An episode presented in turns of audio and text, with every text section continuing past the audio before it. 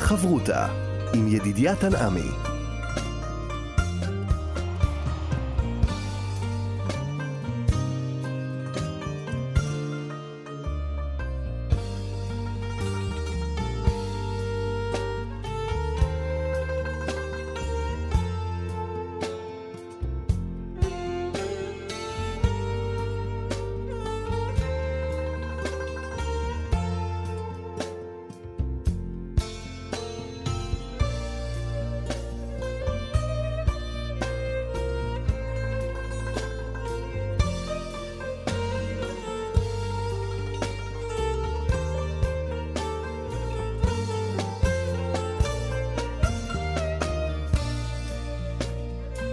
שלום לכם, כאן מורשת, חבותה. לימוד משותף עם רבנים ואנשי חינוך בנושא הלכה, תנ"ך ואמונה. הערב אנחנו עם עולם ההלכה, מארחים את הרב רועי מושקוביץ, ראש בית המדרש רואה ישראל הלכה למעשה. ובצוות השידור שלנו, חן עוז הטכנאית, וכאן ליד המיקרופון, ידידיה תנעמי, ואנחנו אומרים שלום לכבוד הרב. שלום וברכה, רבי ידידיה לך ולכל המאזינים. אנחנו בישראל, ומערכת הכספים בישראל מתנהלת על פי השנה האזרחית. וזאת אה, הזדמנות לבחון את כל המערכות של תשלומי המס השונים, כמו ביטוח לאומי, מס הכנסה, אולי גם מע"מ. האם כל אלו נחשבים ונכללים במצוות מס כספים? ואולי כשאלה הראשונה, כדי שלא נתבלבל או נעשה ככה... אה, השוואות אה, בין שני דברים שהם אולי שונים, האם יש הבדל בין מעשר כספים למצוות הצדקה, או שמעשר כספים הוא חלק ממצוות הצדקה? אה, נכון, שאלה מאוד מאוד מעניינת ונפלאה, אבל נתחיל מראשון ראשון ואחרון אחרון. ואתה הזכרת, אמרת בישראל, שנת הכספים, מתחילה כשנה אזרחית, מה-1 לינואר. ואתה יודע, היו גדולי ישראל אה, ששמעתי אחד מהם, שאמר שאפשר להגיד דווקא עכשיו כתיבה וחתימה טובה ושנה טובה. וזאת השאלה, למה פתאום דווקא... כתיבה טובה על הצ'קים, על ההשטרות. על הצ'קים, על הסכומים, על המיסים. והשאלה היא למה, והוא אומר ככה פירוש מאוד יפה ורעיון מאוד מאוד נכון ואמיתי. וזאת, אה, אולי זה גם מתקשר לנו לפרשת השבוע. אתה יודע שבני ישראל, וככה שאלנו וחקרנו בזה, וכאשר הקדוש ברוך הוא מקים ובונה לנו את עם ישראל מחדש, תשים לב איך הוא בונה אותו, איך הוא מקים את היהודי. הרי יכל להמשיך את המסורת ואת עם ישראל ואת כל השבטים, את כל הילודה. ישר אברהם, יצחק ויעקב, מאותו מקום שהם היו, פה בבאר שבע, בארץ ישראל, ארץ הקודש. מדוע היה צריך להעביר אותם דרך מצרים? דרך הגלות, דרך מ"ט שערי טומאה, ומשם להצמיח את עם ישראל. מדוע הוא לא ישר, אנחנו לא ניתן חשבונות שמיים, כמובן מי אנחנו, מה אנחנו, אבל אפשר להגיד איזה רעיון. הרי אפשר היה לתת את התורה ישר אחרי לידתו של uh, יוסף, uh, בנימין, לתת מתן תורה, וזהו, עם ישראל מתקיים ופורח. פעמים צריך בשביל להצמיח דבר, צריך לגלות את העומק שלו ואת האוצרות שיש בתוכו. ולפעמים רק בתוך החושך מתגלה האור. ודווקא דרך יציאת דרך מצרים, תעושי הטומאה, כאשר הכניסו את עם ישראל, את העם היהודי, ולעומת זאת העם הגוי, המצרי, ואז ראו את ההבדלים ביניהם, או אז התגלתה והתבררה התמונה, וממילא, ממילא מתן תורה היה שייך לתת דווקא ליהודי ולא לגוי.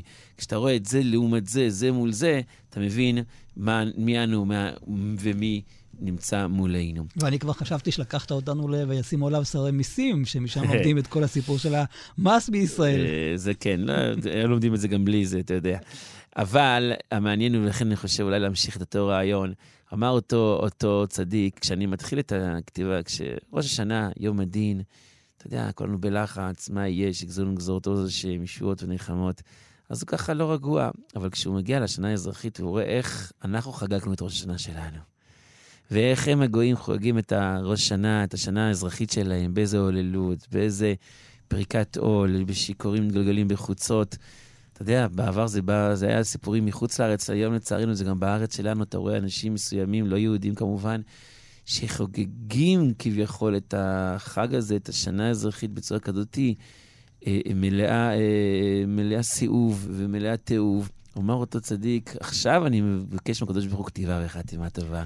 תתבונן לקדוש ברוך הוא ותראה, בורא העולם, איך אנחנו מקבלים את השנה שלנו, ואיך הם, איך אומות העולם, שיותר דומים בנושאים האלה לבהמות, איך שהם מקבלים את השנה שלהם, ומילא מגיע לנו, בעזרת השם, שתגזור לנו גזרות טובות.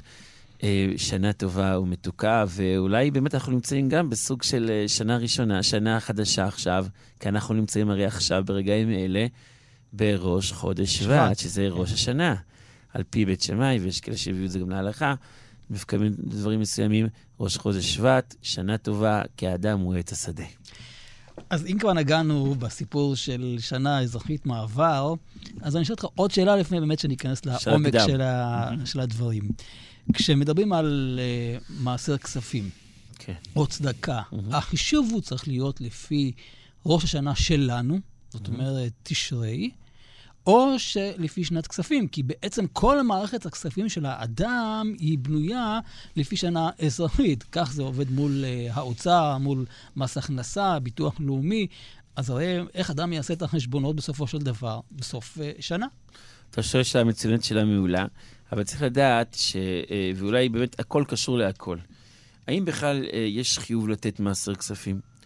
ואז ממילא נגזרת השאלה שלך, ממתי ועד מתי צריך לתת את אותו מעשר כספים?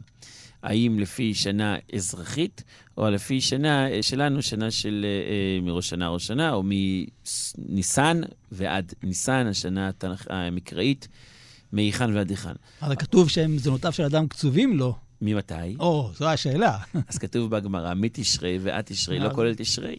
אז זה מתשרי עד תשרי, לכאורה. אז איך זה מתחבר? לכאורה, נכון. אז דבר ראשון, אנחנו צריכים לדעת שהמקור הבסיסי והמקורי לדין בכלל של מעשר כספים, אז דעת אה, בעלי התוספות, דעת זקנים בעלי התוספות, מביא את הפסוק אצל שנאמר אצל יעקב אבינו, כאשר הוא בא ואומר לקדוש ברוך הוא, אם תיתן לי לחם לאכול ובגד ללבוש וכולי, וכל אשר תן לי עשר, עשרינו לך. זאת אומרת, משם הוא למד את הסברה הזאת היא שצריך לתת מעשר כספים. אבל קדמו אותו כבר במקורות נוספים, שזה מהיכן? מ... יצחק אבינו. נכון מאוד, נפלא ביותר. כאשר יצחק, הוא מקבל את המאה שערים, והוא נותן מתוך זה 10% לצדקה, וכבר משם אנחנו לומדים את המעלה הזאת של המעשר כספים. אבל אפשר להגיד שזה... רגע, אמרת לי צדקה. אז אה, שוב, אני מעלה, מזכיר לך את השאלה, האם מדובר נכון, כאן על נכון, צדקה או לא. נכון. גם אם זה לא בדיוק מצוות צדקה, אבל זה הולך לצדקה, זה הולך... לצורכי צדקה. כן, לצורכים אחרים ולא לצרכים שלו. כן. אבל עוד לפני אברהם ולפני יצחק ולפני יעקב, האבות הקדושים, נראה לי שאפשר עוד ללמוד את העניין של המעשר כספים כבר ממי? קין והבל. קין והבל, נכון מאוד. כאשר קין והבל כבר מתחילים ונותנים איזה סוג של קורבן, מבינים שמה שנתנו להם זה לא מתנה בעלמא, אלא זה סוג של הודאה והשתמשות בממון לצורך דברים שהקדוש ברוך הוא נותן. כי אנחנו צריכים עוד להבין את המסר, את המהות של מעשר כספים, ואולי אחרי זה כבר נגיע לפרטי הדינים וכל הדברים הצדדיים. כי אנחנו מבינים ויודעים שקדוש ברוך הוא, כאשר הוא ברא את העולם, הרי זה לא סיבה, אה, הוא לא ברא את העולם כי חלילה וחס היה משעמם, או לא היה צורך, אלא המטרה היא כמובן של להשתמש בבריאה, להשתמש בגשמיות, להפוך את הגשמיות הזאת, מה שנראה לנו כדומם, כצורה ממשית, להפוך את זה לחלק אלוקה ממעל, להשתמש בו לצרכים חיוביים, לצרכים רוחניים, ולהפוך את הגשם לרוחני, לחלק אלוקי. ולכן כאשר אנחנו נמצאים עכשיו, אנחנו מקבלים, אה, כל אחד מקבל את הממון שלו, כל אחד מה שמגיע לו, כל אחד מה שיש לו, זה זכה יותר, זה זכה פחות, וכל אחד יש חלק, חלק גשמי בעולם הזה. אחד יש בית גדול, השני יש בית יותר קטן, אחד יש לו כמה וכמה בתים, mm-hmm. יש לו אה, חוץ מבתים גם אה, עסקים, יש לו גם חברות, לשני יש לו בקושי אופניים ואוהל, כל אחד יש לו משהו, כן? כל אחד יש חלק גשמי בעולם הזה, והשאלה איך הוא משתמש בחלק גשמי שיש לו, והקדוש ברוך הוא נתן לו, את החלקת אלוקים קטנה, והוא הופך אותה לחלק רוחני. ואת זה הוא יכול לעשות אך ורק כאשר הוא משתמש בכסף הזה, בגשם הזה, לצרכים של אחרים, להיטיב לאחרים. והשאלה היא, עוד פעם, במדד, כמה צריך לתת ממה שקדוש ברוך הוא נותן לבן אדם בשביל האחרים, בשביל להיטיב, בשביל להשתמש בזה, בשביל להיטיב לאחרים, שהם גם בכסף הזה ילכו ויטיבו לאחרים, שככה בסוף בסוף זה יגיע לתכלית שלו. אז רגע, לפני שאתה מגיע לעניינים של כמה וכל החישובים, Mhm, הפרטים. אז אולי עוד שאלה שהיא, לצורך ההגדרה, מהמם. בעצם אני משווה את הנושא של מעשר כספים לתרומה, או Mhm. למעשר אה, שני, מעשר ראשון וכדומה. זאת אומרת, יש לי כסף שהוא כביכול שלי ברשותי כרגע, אני צריך לזכור שבסופו של דבר הכל מהקדוש ברוך הוא, לכן אני נותן את אותה תרומה, למשל כמו ביקורים, כן? אדם שנותן את הביקורים, הוא מחנך את עצמו לדעת שלא הכל שלו. לכן הוא צריך להביא דווקא את הדבר הראשון לקדוש ברוך הוא. וזה שונה ממצוות הצדקה, ששם הנתינה היא יותר נתינה לאדם האחר, מבחוץ. כאן, כביכול זה חוזר אליך, שאתה תכיר במה נכון. שהקדוש ברוך הוא. נכון, ואם תשים לב, אם אני קצת אתן מבט מסוים לשאלה שאתה שואל, שאלה מאוד נכונה, אבל תשים לב שיש הבדל מהותי. ומה ההבדל המהותי? כאשר אדם נותן את התרומה, תרומת מעשר, מעשר ראשון, מעשר שני וכולי, אז הוא נותן את זה מכל מה שגודל. אדם גדל לו בחצר שלו עשר טון של אה, תבואה, הוא מפריש מזה את, המעש, את התרומה הגדולה, שני אחוז, את המעשר ראשון, אה, אה, עשר אחוז, תרומת מעשר עשר מ- מעשר, וכולי, מעשר שני, מעשר... זה בעצם. ברוטו. מהברוטו, מהברוטו. מעניין. אבל במעשר כספים זה לא כך. בעניין ה- של מעשר כספים, אם אדם יש לו מחזור של מיליון שקלים, אבל מתוך המיליון שקלים תוריד את ההוצאות של המקום, של העובדים, של, הג... של החומר גלם שהוא קנה, את מה שהוא... אה, נשאר לו בסוף. הוא משלם רק אה, אה, את המעשר כספים מהנטו. לא מכל המחזור, לא מכל הברוטו. וזאת למה? רואים שיש כבר הבדל מהותי בין מצוות התורה של התרומות ומעשרות, ששם, דרך אגב, זה מצווה מהתורה. לא רק זה מצווה מהתורה ואין על זה חולק, אלא יש איסור אכילה בלי לעשר. בלי לעשר, בלי להפריש תרומות ומעשרות, זה מהמם. תבל, זה איסור מיתה של מישהו שלא נדע, במקרה ואדם לא נותן את זה. לעומת זאת, מעשר כספים, שים לב, זה, אתה יודע, אנחנו ניגע אם זה מדין מהתורה, מדרבנן, מנהג בעלמא, או אפילו רק מעשה טוב וכולי. זאת אומרת, ש, שיש פה הבדל מהותי חד וברור בין מצוות הפרשה שהתורה רוצה, אז היא יודעת להקפיד, ויש עוד דברים, יש את הגז, יש מתנות כהונה. מתנות עניים, כן, יש הרבה דברים שהתורה נתנה ונתנה לזה שם מסוים ולא ויתרה. ויש מצוות אחרות, מצוות דווקא בכספים, כביכול התורה לא נגעה מפורש, אלא יותר. פתוח תפתח ידך, לא תאמץ את לבך וכולי. זאת אומרת, יותר עני- עניינים כאלה של אה, חיוב, אבל לא מפורש, לא, מוס, לא כתוב, לא אה, מסודר. לעומת החפצים הגשמיים, ששם התורה רצתה מוגדר. מאוד מאוד שיהיה ברור מה אתה אוכל ומה אתה נותן. וזאת למה? מדוע ולמה? כי נשים לב, כאשר בן אדם אה, מפ... מצמיח, כאשר אדם חקלאי הולך ושותל אה, את הזרעים, ומזה למעשה הולך וגודל לו אה, תבואה.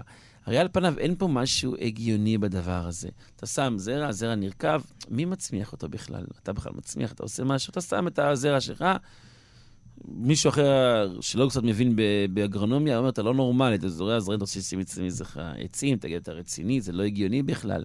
אבל כבר החזון איש, מי שקורא את האגרות שלו, מביא, אה, גם כתוב זה עוד לפני זה בכמה ספרים, כן?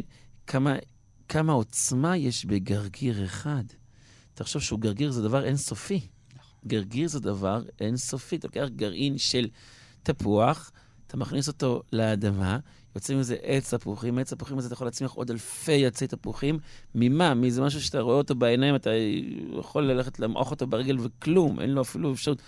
ואתה לומד מזה כמה חיים יש בגרעין של תפוח, של אתרוג, של ענב, מה זה? זה כלום, זג בלשון הגמרא. בכל אופן, אתה רואה את העוצמות. למה? כי הקדוש ברוך הוא הולך ונותן בו כוח, נותן לו חיות, לכן זה חיות, זה חיות לכל דבר. במיוחד עכשיו שאנחנו אנחנו מקשרים את זה לנושא של הימים שאנחנו נמצאים בהם, ימי השובבים, שכל התיקון של ימי השובבים זה התיקון של ה... אה, הבטלה, זאת אומרת שלוקחים דבר, לוקחים חיים ומבטלים אותם, וחס ושלום גורמים אותם להרס, בטלה בחיים, בטלה בזמן, בטלה בדיבור, בטלה במחשבה, בראייה, כל דבר שהוא בטלה, ודווקא עם אלה יש לך אפשרות לתקן ולהפוך את זה מבטלה לחיים. אז ממילא, לכן דווקא בתרומות, במעשרות, שם זה חיים, שם זה חפץ גשמי עם חיות. אם זה פתאום פתח חמור, זה בהמה. אם זה אה, הפרשת תרומות ומעשרות תמימה מהחיטים, מהשעורים, מהתבואה, דבר שיש בו חיות. דבר שיש בו חיות, הקדוש ברוך הוא אומר, החיות אותי מגיעה ממני, אני רוצה את החלק שלי. והחלק שלי זה המעשרות, זה התרומות, זה הפדיון פתח, זה ראשית הגז, זה כל הנושא הזה. לעומת זאת, הכספים זה משהו דומה. כסף, תיקח 100 שקל, 200 שקלים, ואפילו אלף דולר, יש שטר אלף דולר, שים אותו באדמה, או שהוא יישמר, או שלא תמצא אותו אחר כך, למרות שכספים אין להם שמר אלא בקרקע. זה משהו דומם, זה כבר יצירת אנוש. לכן, שמה זה גדר אחר לגמרי, שמה זה כבר לא חיות. אפשר ליצור מזה המון דברים, אבל את החיות, את זה אתה חייב לשתף בזה את הקדוש ברוך הוא. טוב, בואו נזכיר עוד פסוק אחד, ודרכו נלך לשיר הראשון. בספר מלאכי כתוב, הביאו את כל המעשר אל בית האוצר. ויהי טרף בביתי, ובחנוני נא בזאת, אמר השם צבאות, אם אפתח לכם את ארובות השמיים, והריקותי לכם ברכה עד בלי די. עד בלי די. חברותה עם ידידיה תנעמי. חברותא לכאן אה, מורשת, ואנחנו עוסקים בדין, בנושא של מעשר הכספים, ומנסים לברר מה הגדר, מה החיוב של דין מעשר כספים. האם העניין של מעשר כספים דומה לצדקה, או דומה לדברים אחרים? והנה ראינו כאן שהנושא של מעשר כספים הוא שונה, וצריך אה, להכיר יותר לעומק מה החיוב שלו. האם החיוב הזה מהתורה, מדרבנן, או כפי שהרב uh, הזכיר, שיש כאן אולי רק מנהג uh, בעלמא. זה דבר מאוד מאוד uh, מפתיע. נכון מאוד.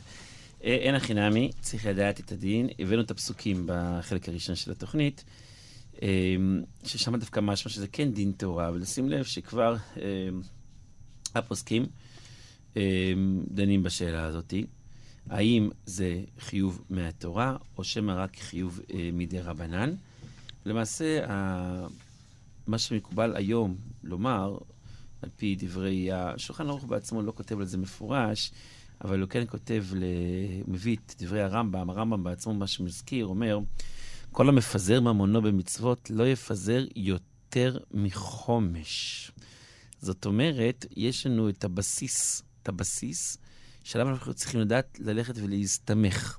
מה הבסיס? אומר הרמב"ם, לא יותר מחומש. מאיפה הוא לומד את זה? מהגמרא במסכת תענית. הגמרא במסכת תענית, דף ח' עמוד ב' אומרת, בשם אמר רבי יוחנן, מהי דכתיב עשר תעשר? את כל תבואת זרעך, אנחנו מכירים את זה. עשר בשביל שתתעשר. למעשה אנחנו יודעים שהפסוק, על מה הוא מדבר? על uh, מאסר תבואה, תבואה? או... כן, תבואה. תבואת זרעך. יש, אתה צודק, גם מאסר בהמה, כן. אבל זה לא הפסוק, כן. הפסוק מדבר על מאסר תבואה, אז לכאורה מאיפה אנחנו לומדים מאסר כספים. ואמרנו לו זה דבר שונה לגמרי. נכון. אז תשים לב שהספרי, הספרי, אחד מהספרים החשובים, ספרי זה המדרש, יש כאלה שאומרים, פשטות, זה רבי שמעון ברוך כתב את הספר הזה. מדרש הלכה. גם אם הוא לא כתב את זה, אבל זה דברים שנאמרו בשמו. והוא לומד ככה. אומר, אומר הספרי, מניין לנו, שצריך לתת מעשר גם מהריבית, ריבית לאו דווקא ריבית כספים, אלא זאת אומרת, מה שהרווחת ממה שהרבית ממונך, מהפרקמטיה, במקרה שאדם הרוויח שאר רווחים מניין. תמוד לומר, את כל מעשר תבואתך. את כל. התוספת של הכל. מהמילה את כל, משמע שזה חיוב. חיוב לתת מכל מה שאתה צריך לתת. ועל פי זה פסק הרמו בשולחן ערוך, והוא מביא גם את דברי הראש, מי שאין לו אתרוג או שאר מצוות, אין צריך לבזבז על זה הון רב, אלא רק עד חומש. זאת אומרת, יש לנו חיוב ללכת ולתת מעשר. לא רק מעשה, אלא אפילו יותר ממעשר, מעשר מן המעשר. אז זהו, מעשר מעשר, הכוונה היא כאילו פעמיים עשר עשר, לכן הגענו לחומש? נכון מאוד. 20 אחוז, שזה החומש, נכון? וגם אה, מביא השולחן ערוך ביורד דעה בסימן רש"ט, שמה זה בהלכות צדקה, ואין לעשות מהמעשר שלו, זה יותר מביא את זה הרימו למעשה בשולחן, על השולחן ערוך, ואין לעשות מהמעשר שלו דבר מצווה, כגון נרות לבית הכנסת או שאר דבר מצווה, אלא רק יתננו לעניים. מה אנחנו לומדים מכאן? אנחנו לומדים מכאן שיש לנו דבר מצווה שאתה חייב לקיים, ו... ואת זה אתה לא יכול לתת במאסר כספים, אלא מאסר כספים חייב ללכת לדבר שהוא צדקה, דבר שהוא בשביל מטרה לעניים. ולכן אנחנו צריכים דווקא להשתמש בכסף הזה שאנחנו נותנים אותו. וזה כך נפסק רק לפי הרמה, כי אנחנו יודעים היום שיש הרבה פרסומים, לפי דעת הרבנים ניתן לקנות אה, ספרים למשל במעשר כספים או דברים אחרים. נכון מאוד. כי הספרים האלה שאתה קונה אותם, כמו שהזכרת, זה לא דברים שאתה חייב לקנות. אבל לא תראה, או אם תראה זה טעות, mm. אם יפרסמו את זה, אדם שיכתוב מצוות אתרוג, אה, אה, יפרסם את האתרוגים שלו ב- ב- לפני סוכות, ויודיע בשער בת רבים שאפשר לקנות ארבעת מינים ממעשר כספים. זה טעות, זה אסור. אבל אם הוא יגיד, אה, יש כאן את הכשרים ויש או, את המהודרים. בוא עכשיו תשלם ממעשר כספים למהודר. יפה מאוד. בכזה מצב, ונחינמי יוכל לעשות את זה. למה? כי החלק הזה הוא תוספת ממה שהאדם חייב. אבל נראה לי עדיין שזה לא מעיקר הדין, זאת אומרת, זה לא לכתחילה. בגלל שאנחנו, אם תשים לב, החיוב הוא כן ללכת להשתמש לא בשבילך. יש סיפור מפורסם על הרב שטיינמן, כן? זיכרונו לברכה, זכר צדיק וקדוש לברכה, שבהתחלה לא הרוויח, לא היה לו ש"ס, לא היה לו ספרים. אז את הש"ס הראשון הוא קנה ממעשר כספים שלו, והוא כתב שהש"ס הזה נקנה ממעשר כספים. לאחרי זה, כשכבר הרווח לו, אז, אז את הש"ס הזה הוא הלך ותרם לבית הכנסת, וכמובן שהוא קנה מהכסף שלו האישי. מעניין. זאת אומרת, שים לב שאת המעשר כספים, אדם כן ראוי שהוא ילך וייתן את זה לא בשביל הממון האישי שלו, לא בשביל הצרכים האישיים שלו, אלא בשביל דברים אחרים. יש את הסיפור גם לא, לא מזמן, על אותו, אה, אותו אברך, אברך, או נראה לי אברך, או לאו דווקא יכול להיות, יכול להיות יהודי רגיל, אני לא זוכר את, בדיוק את הסיטואציה, של אותו אדם, אבל אדם שהגיע לרב חיים קניבסקי, והוא מספר לו שיש אצלו בבית מכת עכברים. מכת עכברים, הוא אומר שהוא הביא, הביא הרבה לוכדי עכברים, שהוא שילם להם את מיטב כספו, ממיטב כספו, והם לא הצליחו לנטרל את המכה הזאת. שאל אותו, אתה נותן מאסר כספים? הוא אומר לו, כן, נותן מאסר כספים. הוא אומר לו, אתה מקפיד, כל מה שצריך? הוא אומר לו, כן. יפה. הוא אומר לו, למי אתה נותן את המאסר כספים? הוא אומר לו, שמע, הרב, יש לו חובות. יש לו חובות. הוא יודע שאפשר לשלם אה, על החובות שיש לו ממאסר כספים, כי ככה זה מה שכתוב. אומר לו, תקשיב, את המאסר כספים אתה נותן אך ורק לעניים ולא לשום חובות, לא בשביל התלמוד תורה של הילדים שלך, ולא בשביל uh, דברים שאתה, כן, אתה יכול, uh, דברים, רק בשביל אחרים. רק ואך בשביל אחרים, לא בני משפחתך, לא הילדים שלך, רק אחרים. אחרים יכול להיות, אתה שואל עם אחים וכאלה, אני לא יודע. עדיף שכן, מה שאתה לא מחובר שלך, קשר רגשי לזה. משהו שאתה נטו צדקה. אז הוא אמר לו, אה, זה מה שהוא אמר לו, ככה הוא אמר לו. ותראה פלא, הוא כתב, אז אמרתי, זה מדויק, וגם מדויק, הוא אמר לו, דבר תעשה מדויק, לא בערך. כמה שאתה מרוויח מדויק, מעשה כספים, לא לבני משפחתך, לאנשים אחרים, לא בשביל החובות, למשפחה, לאנשים צדקה. אתה יכול לפתוח בזה, אה, בכולל אתה יכול לתת את זה לכולל אברכים, אתה יכול לתת את זה לבית הכנסת הקרוב אליך, אתה יכול לתת את זה סתם לצדקה, לעניים, ככה, והוא בא לרב חיים כנסת אחרי כמה חודשים, אומר לו, הרב, יש לי שאלה. אומר לו, מה השאלה? הוא אומר, העכברים נעלמו. ועכשיו אני רוצה לתבוע את הלוכדי העכברים, להגיד להם שיחזרו את הכסף. טוב. לא עשו את העבודה. לא עשו את העבודה? אז אמר לו, שמע, זה לא רק שאתה צריך לא לחסוך על לבקש את הכסף, אתה צריך להתנצל בפניהם. הוא למה אתה צריך להתנצל בפניהם? כי אתה אשם. אתה אשם שלא, הם צדקו, הם עשו את העבודה, אתה לא נתת מעשרות. מה אנחנו רואים מכאן? זה גמרא, זה לא רב חיים, זה רב חיים זה היה סיפור אמיתי. ככה התפרסם, אני לא הייתי בו, לא, לא שמעתי את זה ישירות, אבל ראיתי את הפרסום הזה. אבל זה גמרא, גמרא מביאה, שמי שמעשר את הכספים שלו, לא יהיה לו בעיות בתבואה, לא יהיה לו בעיות של... אה, אבל גם אדם, למשל, ניקח את אותו אדם שהיה בחובות, וכרגע הוא, הוא לא יכול uh, להצטמצם אם הוא יצטמצם וייתן את המעשר, נכון. אז הוא, הוא עצמו יהפוך כן, אז ההמשך של הסיפור, הוא שאל את הרב, הרב, מה אני עושה? מה הוא עושה? יש לו חובות, מה הוא עושה? אז הרב אמר לו, שירשום בצד, שירשום בדף בצד כמה באמת הוא המעשר כספים שלו, יוכל להשתמש בזה לו. בינתיים, ושירווח ישתמש, נכון. באמת, זה פתרון נכון. אבל שים לב, צריך לתת. עכשיו, למה צריך לתת? אמרנו, זה לא מהתורה. גם אם זה לא מהתורה וזה מנהג טוב, עדיין יש חובה לתת מעשר כספים. למה? כי אנחנו יודעים גם על פי דרך הקבלה, שבכל, כמו שהזכרנו, בכל דבר יש חלק שצריך להוציא, להוציא, להפריש ממנו. להפריש ממנו. יש לך מה שקיבלת, לא, כמו שהזכרת אתה בצורה מאוד יפה, את הביקורים.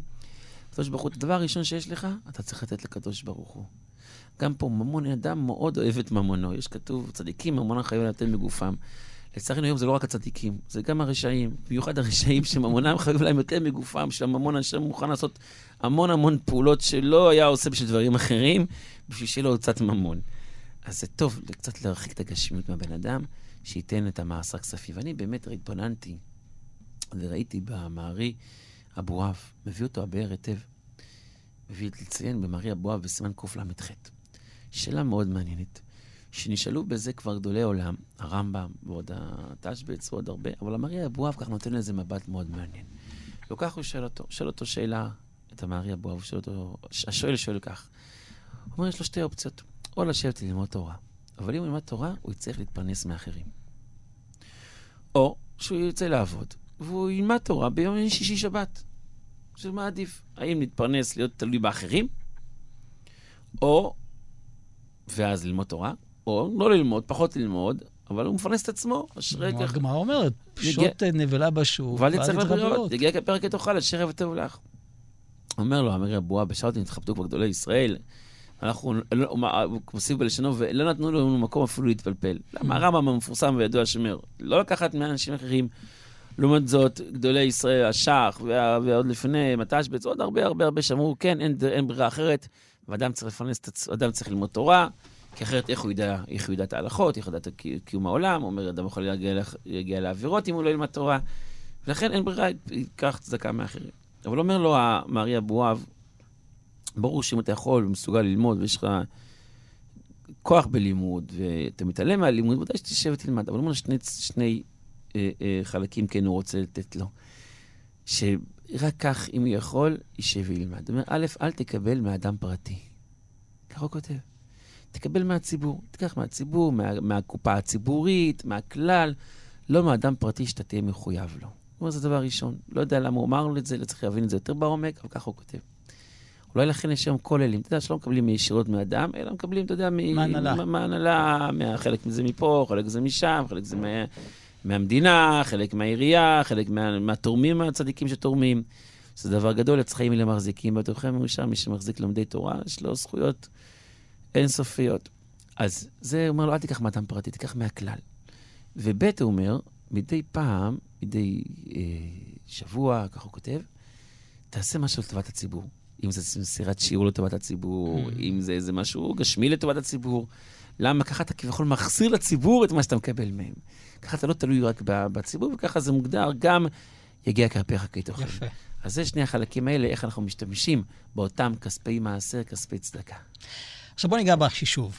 כן. אנחנו מדברים על כך, אה, כפי שאמרנו מקודם, זה לא מהברוטו, אלא מהנטו. וכאן אה, בעצם עולה השאלה, בעצם שתי שאלות. א', איך אני מחשב? זאת אומרת, אה, את מה אני מוריד אה, בדרך, מס הכנסה, ביטוח לאומי, את כל ההוצאות, גם הוצאות, אה, מה, של, אה, של הילדים, של ה... בתי ספר וכדומה. והשאלה השנייה, שבבקשה אני אגע בה, זה האם אני יכול להחשיב את הכספים שאני משלם למס הכנסה כחלק מתוך המעשר שלי. אה, נכון מאוד. אנחנו צריכים לדעת, שלשאלה אותי כבר שאתה שואל, שאל התשבץ. התשבץ, אה, הוא כותב כך, הוא אומר, איך בפועל אנחנו ניתן את המעשרות, למי ניתן את המעשרות, כמה וניתן. אז הוא אומר שאדם צריך לח... לצמצם מהחשבון ולהפרישו יותר יותר לעניים במה שהוא מרוויח. והמעניין שהוא כן כותב שאם יש לו בנים, יש לו חובה קודם לפרנס את הבנים, את הילדים, לפני כולם. עניי עירך קודמים, עניי ביתך קודמים. אז זה מעניין, כי קודם ראינו דעת הרמה, נכון? הזכרת ש... כן, שלא מה שהוא מחויב. אנחנו יודעים שאדם מחויב לזון לפרנס את בניו עד גיל 6. מעל גיל 6 הוא כבר לא מזון, הוא לא אה, חייב. זה השוני. הגמרא מביאה שמי שלא זן, אומרים לו, אפילו העורב מפרנס את הילדים שלו, ואתה לא מפרנס את הילדים שלך. עכשיו, בן אדם שהוא עמיד, יש לו חובה. גם אחרי גיל שש, זה כתוב מפורש בהלכה, אדם שיש לו ממון, הוא כן מחויב. האדם הסביר. אדם הסביר, כן, ודאי שיכול וצריך. אז היום אנחנו נמצאים במינוס עם כל ההוצאות של אה, בתי הספר, תלמודי התורה. נכון. נכון, אין הכי נעמי. ולכן, למשל, דוגמה, מי ששאל אותי לא מזמן, הוא קנה, קנה דירה, נגיד במיליון שקלים, אבל את הדירה הזאת הוא, הוא אה, לקח משכנתה, 600 אלף שקל, הון עצמי, 400 אלף שקלים. קנה דירה. קנה דירה, ואתה יודע, בעקבות עליית המחירים, הוא מכר אותה במקום מיליון שקל, במיליון 500, מיליון וחצי שקל. כמה הוא הרוויח? חצי מיליון. אבל בפועל כמה עכשיו הוא קיבל על מכירת הדירה? מיליון וחצי. הוא שואל אותי, כמה הוא צריך להפריש מעשר כספים? צריך לעשות חשבון עכשיו כמה הוא שילם ריבית על המשכנתה גם. כן. מצוין, נפלא. אז דבר ראשון, הוא חשב שצריך לשלם את 150 אלף שקל. כלומר, הוא, הוא מכר עכשיו, קיבל מיליון וחצי שקל, עשירית מזה, כמה זה? מיליון וחמישים אלף שקל. אז הוא רצה לתרום 150 שקל. אמרתי לו, יפה מאוד, אם אתה רוצה להפנות לך, אין לי בעיה. כל פנים, אז uh, הוא רצה לשלם 150 אלף שקל, אמרתי לו, לא צריך. הורדתי לו כבר, עשיתי לו ניקוי מס המקום, רק מה שהרווחת. אז כמה הוא הרוויח? חצי מיליון. אבל או, אמרתי לו, לא. גם מזה אני מוריד לך. גם לא 50 אלף שקל. למה? כי הריבית עצמה, אדם משלם הרי על זה, על המשכנתה עצמה, אדם משלם הרי מה? ריבית. ריבית. ריבית. אבל תוסיף עוד גם, יש עוד... אמ, חוץ מהריבית, יש את העורך דין שלקח, מס שבח, מס רכישה, נכון, תלוי אם זה, כמה, כמה יש לו, כמה אין לו. בקיצור, אתה צודק מאוד, צריך את כל זה לקזז. את כל זה צריך לקזז.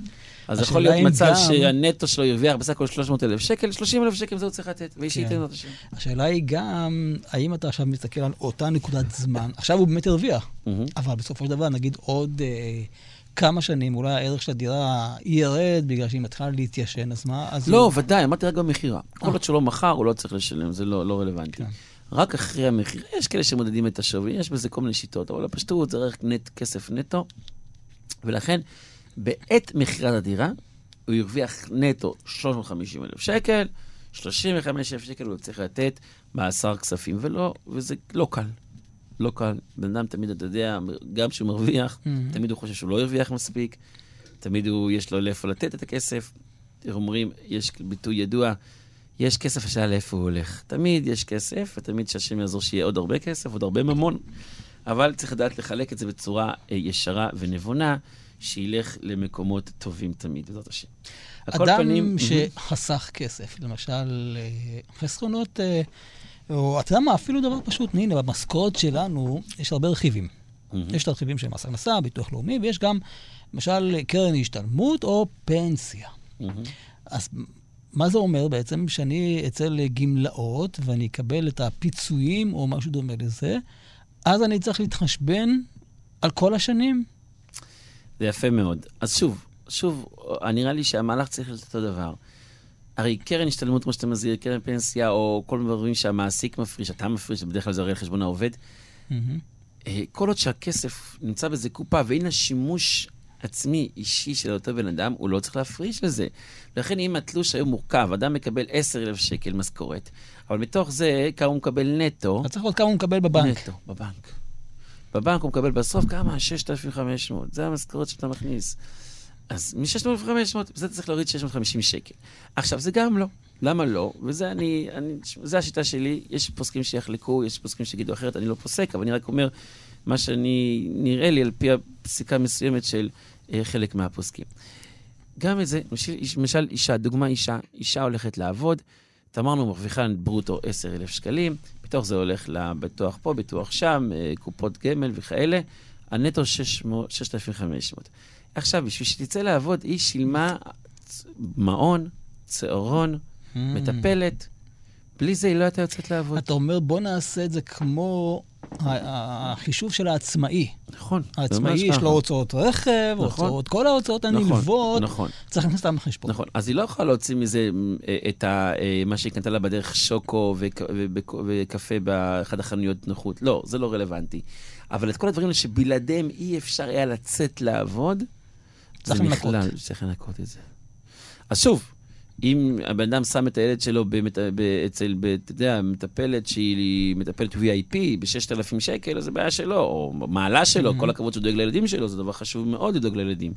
אבל את זה הוא לא יכול לנקות. מחיר נורמלי שמטפלת סטנדרטית, 1,000, 1,800 שקל, מה שלוקחים היום, אני לא, לא נכנס לממון הזה, ואת זה כן יכול לנקות, כי בלי זה הוא לא יוצא אז לעבוד. רכב גם כן. נכון. בשביל להגיע לעבודה הוא צריך להחזיק רכב. הוצאות בסיסיות של הרכב, לא ביטוחים מקיפים ולא פוליש ווקס וכל הדברים האלה שהזדם עושה, זה, אבל דברים בסיסיים, דלק, אדם יכול, וביטוח חובה. ביטוח הוא חייב. ביטוח בסיסי, כן. אדם יכול להוריד מהמעשרות, נכון מאוד, זה חלק, בלי זה הוא לא היה מגיע. דלק בשביל נסיעות לעו- ל- לעבודה, לא מה שהוא עושה מסביב נסיעות בדרך לכל Mhm. מיני uh, טיולים וכאלה אטרקציות. מה שכן, מה שחובה בבסיס, זה חלק, מה, זה חלק מההשקעה לטובת ההכנסה. ולכן את זה יכול להוציא, יכול לנקות את זה. אז עכשיו אדם שמשכיר דירה ומקבל אה, סכום אה, מסוים על הדירה, אז אה, נניח, סתם לדוגמה, 2,000 שקל, 3,000 שקל, מה שאתה אומר, הוא צריך להוריד שם את המיסי ועד, להוריד את הנושא של הארנונה וכל הדברים ש... דבר ראשון, הוא מוריד את המשכנתה. אה, נכון. את המשכנתה, דבר ראשון, שזה הוצאה. את הריבית של המשכנתה או את המשכנתה? זה שונה. אז זה נכון. כל עוד שהדירה היא, וזה באמת צריך לחשבן, כל עוד שהדירה היא נטו בשביל שכירות, זאת אומרת, הוא לא חושב שאני אמכור אותה, אלא כמו שאומר, השקעה לטווח ארוך, שהדירה היא בשביל שכירות, אז הוא מוריד את המשכנתה, את השווי של המשכנתה. כי הוא לקח את זה להשקעה, זה חלק נכון, נכון. מהכספים של ההשקעה, נכון. מעניין. כאשר הדירה היא למכירה מיידית, אז פה זה לא רלוונטי, אז בטח צריך כן. לחשבן את המשכנתה אחר כך. אבל כאשר הדירה היא דירה המשק- אה, להשקעה לטווח ארוך, חודש הוא מקבל משכנתה, אה, יורד לו 2,000 שקל, שכירות 3,000 שקל, נטו 1,000 שקל. מתוך זה, ועד וכל זה בדרך כלל השוכר משלם, אבל זה לא רלוונטי. אבל את המשכנתה הוא כן צריך, אה, יכול להוריד מהזה. זה, זה נקרא הוצאות מול ניקוי. אבל אחרי שהוא מוכר, הוא צריך לדעת שכבר על המשכנתה הוא הזדכה על הסכום הזה, ולכן רק על הסכום שנשאר הוא אה, מקזז את המשכנתה. אבל נכון, כל ההוצאות האלה, אדם צריך לדעת, לחשבן אותן בצורה ישרה ומסודרת, וככה הוא יוצא ידי חובה, ובעזרת השם, הכסף שלו נקי, כסף שלו נקי, אז הוא יכול להשתמש בו לברכה, יש לו ברכה בכסף. חברותה עם ידידיה תנעמי. חברותא במורשת עם הרב רועי מושקוביץ, ראש בית המדרש רואה ישראל, הלכה למעשה, ואנחנו עוסקים כאן בעניין של מעשר כספים. הזכרנו קודם את הנושא של המיסים השונים, כמו ביטוח לאומי, מס הכנסה וכדומה, ועדיין לא מספיק ביררנו האם זה נחשב גם כהוצאה, ולכן אנחנו הולכים לפי הנטו, או שלא, וכאן יש עוד שאלה נוספת שעולה לי, אדם ש... נותן אה, את אותו מעשר בכפייה, למשל, האם זה נחשב, או שצריך דווקא מתוך רצון טוב, כמו שראינו בתרומה וכדומה. נכון. אז דבר ראשון, אנחנו צריכים לדעת, אה, עוד לפני שאנחנו מדברים על ההוצאה של המיסים, מה קורה עם הכניסה של המיסים? איך יכול להיות כניסה של מיסים? מה, פורים עכשיו? אולי זה מס שלילי, מכירים את זה. נכון, א', גם יש מס שלילי, אבל uh, המענק עבודה, מה שמוגדר, ובאמת זה הזמן לי- ל- להזכיר לכל מי שצריך שיפנה.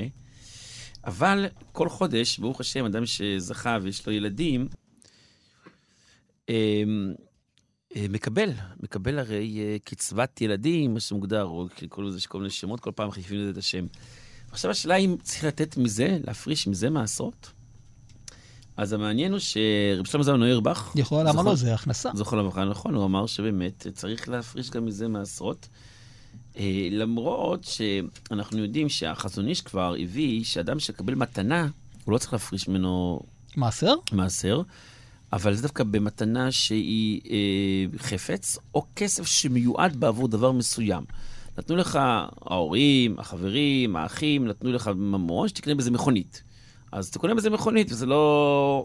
כלומר, אתה לא לא יכול. לקנות אה, מכונית שהיא אה, פחות לא טובה, כן. כדי שיהיה לא, מעשר נכון, אה, נכון. מתוך אבל אם נותנים לך סתם. מתנה 100 שקלים, כן צריך להפריש מזה 10 שקלים. אז אולי אותו עיקרון גם פה, ביטוח לאומי הרי, למה נותן לנו את זה? זה לא מתנה רק, אלא כי אתה באמת זקוק לזה, זה אז- ח- זה חלק מהצדקה שאנחנו מקבלים. אז אני חושב אולי באמת, שלכן, אם שמת לב, הגדרתי את זה, כי בעבר קראו לזה קצבאות ילדים, היום הרי בעידן החדש, יש לנו הרי שתי אה, אופציות, יש את האופציה הרגילה שאתה מקבל ממון, וחוץ מזה תקבל משהו לקופת גמל לילד בעצמו. אז נראה לי שזה אולי באמת יהיה החילוק. מה שרוזלמן דיבר זה בזמנו, עוד לפני שליצמן המציא את הקופת גמל ההיא. מהמם. שאין הכי נמי, שם זה כסף, אתה יודע, אתה מקבל אותו עבור הילדים, אבל בדרך כלל אתה משתמש שזה בשבילך, בשביל ה- מה שאתה צריך. כי זה נכלל, זה נכלל בסופו ב- של דבר אתה נכון. מוציא את זה אז מילא. זה מס- צריך לתת מזה מאסר כספים, אבל הכסף ההוא, המיועד ספציפי, שהוא צבוע, הוא ייעודי. ייעודי לילדים, אז באמת אין הכי נמי. אה, הוא לא יצטרך לתת עליו, כי זה נטו כביכול מתנה לילד, ואז לא יצטרכו לתת עליו מאסר כספים. עכשיו, מה שהזכרת כמה פעמים לגבי הנושא של המס, אנחנו צריכים לדעת שנכון, יש כאלה מן הפוסקים אה, אה, שכן ביקשו לו, לומר שאפשר לחשבן את זה כחצי, זאת אומרת, אם אתה מרוויח 8,000 שקל ויש לך מס הכנסה אה, 1,000 שקלים, אז אתה יכול להשתמש כ-500 שקל, כ-500 מתוכו כן הולך למטרות צדקה. לעניות דעתי, אי אפשר להשתמש בכסף הזה למעשר כספים, היות וכסף שהוא מחויב, וכמו שהרימו הזכיר, דבר שחייבים לתת וכופים אותך לתת, אז אתה לא יכול אה, לתת ולהשתמש בו כמאסר כספים, למרות שבדין כופים על הצדקה, זה לא קשור למקרה שלנו. במיוחד שלצערנו אנחנו נמצאים במדינה כזאת שהיא מדינה אה, אה, טובה לאזרחים בדרך כלל, אבל היא משתמשת בכספים האלה גם לדברים שהם שליליים מאוד. לצערנו יש מקרים שאדם שיודע לאיפה הכסף שלו היה הולך, הוא לא היה מוכן לשלם בכלל מיסים. לא שאנחנו קוראים למרד, אבל אדם כן צריך לשלם מיסים, אבל היינו מקווים שכסף זה ילך באמת רק למטרות של אה, צדקה וחסד, אבל זה לא ככה.